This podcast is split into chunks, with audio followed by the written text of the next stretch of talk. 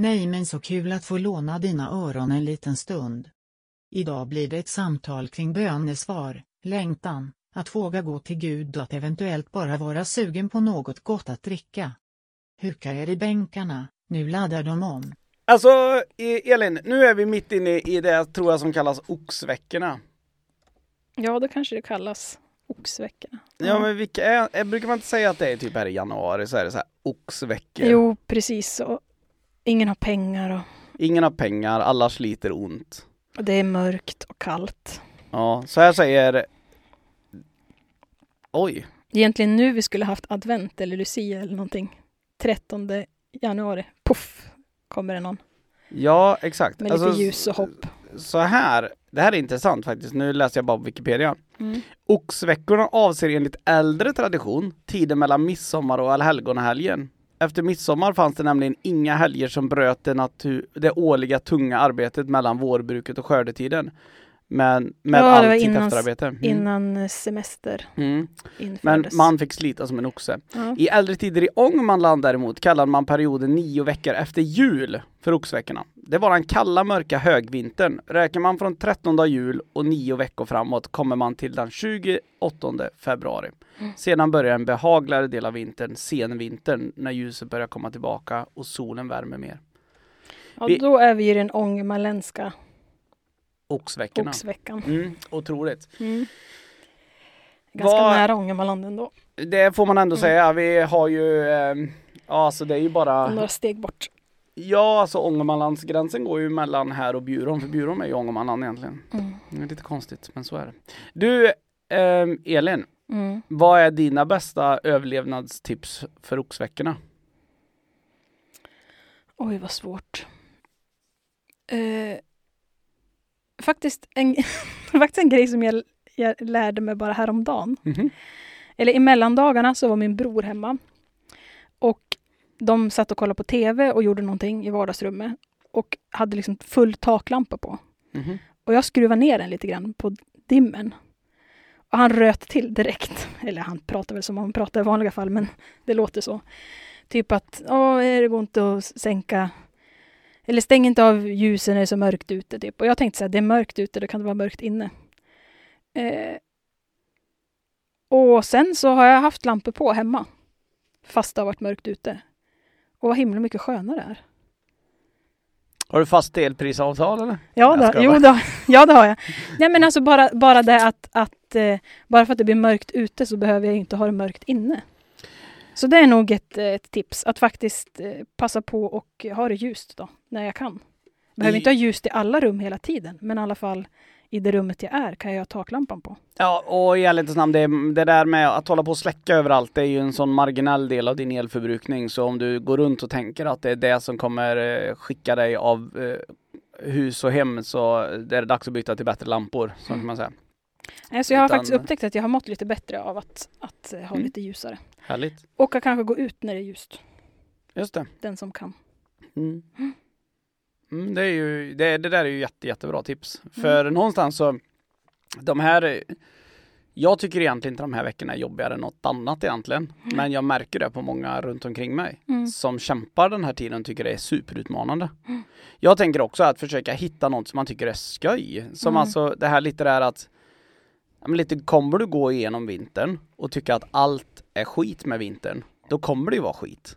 Alltså någonstans, åk lite skidor, åk lite spark, kasta en snöboll. Alltså gå ut och gör någonting man inte kan göra på sommaren och inte säga wow vad lyxigt. Mm. Det här kan jag göra nu. Det kan jag inte göra på sommaren. Ehm, det tror jag också är, eh, är viktigt. Eller är bra grej. Mm. Och hitta lite folk som, som får en att må bra också. Det är jättebra med människor som man mår bra av. Verkligen. Mm.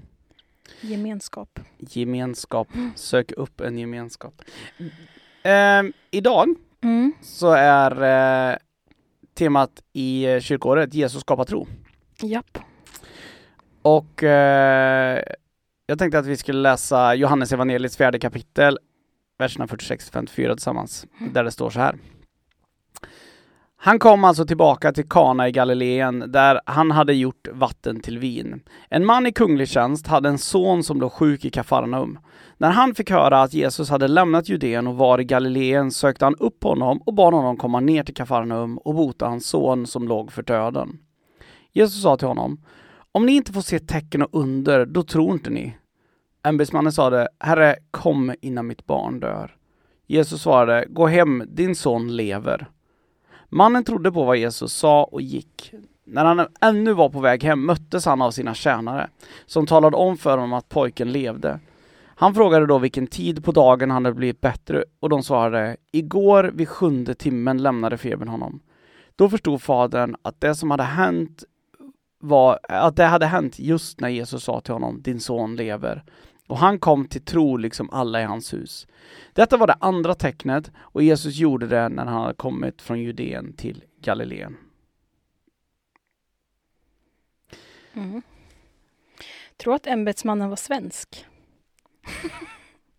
Eller alltså han agerar väldigt svenskt i att liksom han, vill, han vill ha koll på läget och kontroll.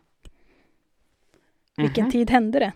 Ja, så vill så. han liksom få en bekräftelse på att det hände. Alltså, är det bara, det bara en känsla jag fick när, när du läste. Så. Han, ville få till han ett, känns lite svensk. Han ville få till ett dokumenterat mirakel. Ja, precis. Eh. För hade det hänt någon annan gång då kanske det hade varit någon annan anledning. Ja, mm. absolut. Nej men alltså, det jag tänker generellt sett kring den här texten, det är ju liksom att, eh, till att börja med, betoningen på att det här var i Galileen. Mm. Varför är det viktigt? Eh, ingen aning. Nej. Har du någon koll? Men det betonar så tydligt, liksom. Mm. Alltså, och det be, betecknar en gång det andra. Det finns säkert några goa, goa ju, juda, ju, judaisti, ju, judasti, sådana som har koll på jud, judendomen där ute mm. som ser bra den skillnaden där mm. och kan det. Jag kan faktiskt inte det fullt ut. Men, men jag tror att den här texten på många vis sätter fingret på en viktig del i, i troskapandet så att säga. Mm. Um, jag har berättat tidigare om, tror jag, om en god vän till mig som uh, liksom använder ibland uttrycket, han säger jag, jag behöver inte få mer fakta om tro. Mm. För det låter rimligt. Mm. Men jag måste, få, jag måste få möta Gud. Jag måste få se någonting. Jag måste få uppleva det där undret mm. för att kunna tro. Ja, och det, eh, det verkar ju Jesus också veta. Mm. Eh, även om han, han låter lite tjurig liksom, när han svarar det att ja, om ni inte får se tecken under så tror ni inte. Mm. Eh, men, men det ligger jättemycket i det. Alltså jag, det är ju det är jättesvårt att bara liksom få en faktabok, se Bibeln som en faktabok och så tar, köper man det bara rakt av. Jag tror att det är väldigt få som, som klarar av att göra det. Mm. Att vi behöver få liksom ett personligt möte eller faktiskt få se se, alltså, och speciellt med liksom under och helanden, tror jag. Alltså att vi behöver få se det för att tro på det. Mm. Jo men det tror jag ju också.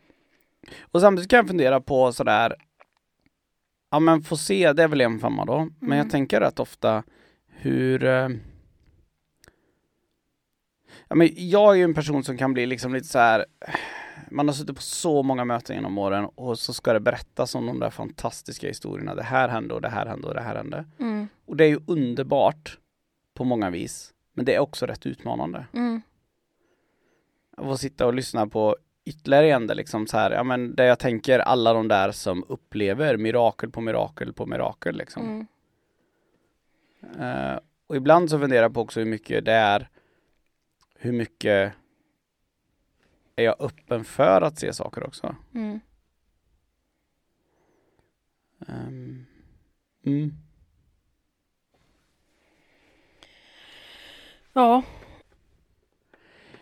Ja, en annan sak som fastnar på mig i, texten, det, det, är ju att Jesus då, precis nu säger lite grumpy sådär liksom säger om ni inte får se tecken under så tror ni inte. Mm. Och så säger ämbetsmannen bara, herre kom innan mitt barn dör. Att mm. någonstans, liksom den här känslan, sluta tjafsa. ja, mitt barn håller precis. på att dö, liksom. Jag behöver inte höra man börjar undra ju vad som har förekommit innan här. Har den här ämbetsmannen tidigare hört Jesus? Mm. Bara liksom komma med liksom, liksom bara, ja men ni tror då aldrig liksom sådär. Och är han lite trött på det? Liksom? Jo, men det måste han väl nästan ha gjort liksom. Eller för det står ju att när den här mannen hade kunglig tjänst Mm. och när han fick höra att Jesus hade lämnat Judeen och var i Galileen sökte han upp honom. Ja, Eh, Exakt. Så det nog tror jag att han vet vem han är eh, och vad han är kapabel till. Och då kanske inte orkar med att behöva argumentera för sin sak. Liksom. Räcker inte att jag säger att han är sjuk, eh, att han håller på att dö. precis. Och så kan väl vi också känna ibland. Eh, när vi inte får bönesvar eller när, när, när Gud inte agerar på det sätt som vi kanske vill eller i den takt vi vill. Mm. Eh, att bara, men sluta tjafsa nu då, kan du inte bara lösa det här? Mm. Eh, ser du inte att jag går under, liksom, eller att det här händer? Eh, ja. Sen funderar jag på, eh, Jesus eh, svarar ju därefter, Mm. gå hem din son lever. Mm. Mannen trodde på vad Jesus sa och gick. Mm. Hur viktig är den versen egentligen? Alltså, när man tänker liksom så här, eh, för och sen så går han hem och så vidare och sen så inser han att, och så säger han att fadern uttrycker att han förstod att det här hade hänt precis när Jesus sa till honom din son lever. Mm. Men jag funderar på hur viktigt var den, just den där biten att mannen trodde på vad Jesus sa? Mm. För den tänker jag, ibland så, så talar vi ju om det att någonstans men jag vet inte, jag har ju fått höra i tider av liksom tvivel och så vidare liksom så här, ja men det, du får ju tro att det där är Gud. Mm. Det är ju bara att tro att det är Gud. Mm. Men hur viktig är den poängen? Är du med jag menar? Mm. Ja, jag tror att den är jätteviktig. Mm. Det tror jag också i, vår, i våra liv, att det är viktigt att, ja men precis som jag sa alldeles nyss, det här när man inte får, får svar på det sättet man tänker eller i den takt man tänker. Eh, om man då får svaret i att du är i min hand, liksom, eller jag, jag har det Mm. under kontroll, Mm. eller den hälsningen från någon, eller bara liksom eh, möts av frid, eh, då kanske man också bara ska vila i den friden att, eh, vad var det det stod? Mannen trodde på vad Jesus sa och gick. Alltså Mm. att faktiskt bara liksom, okej, du, du kommer svara. Mm. Eh, och tills dess så, så går jag, liksom. Mm. Och väntar på att det ska, att det ska hända. Mm. Eh, mm.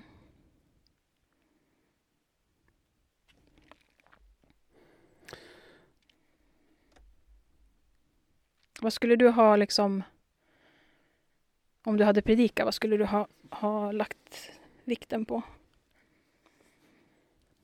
Jag tror att jag hade lagt ehm, vikten på ehm,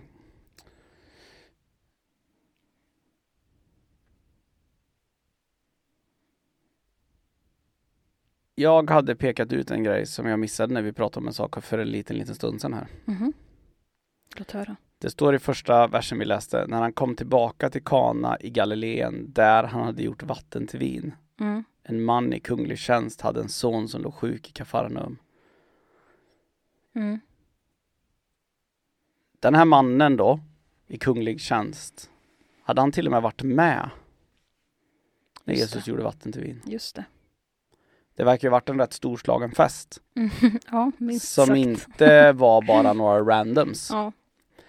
Men där någonstans, jag tror att jag hade lagt fokus vid, har du hört talas om vad Kristus gör i Mm. människors liv?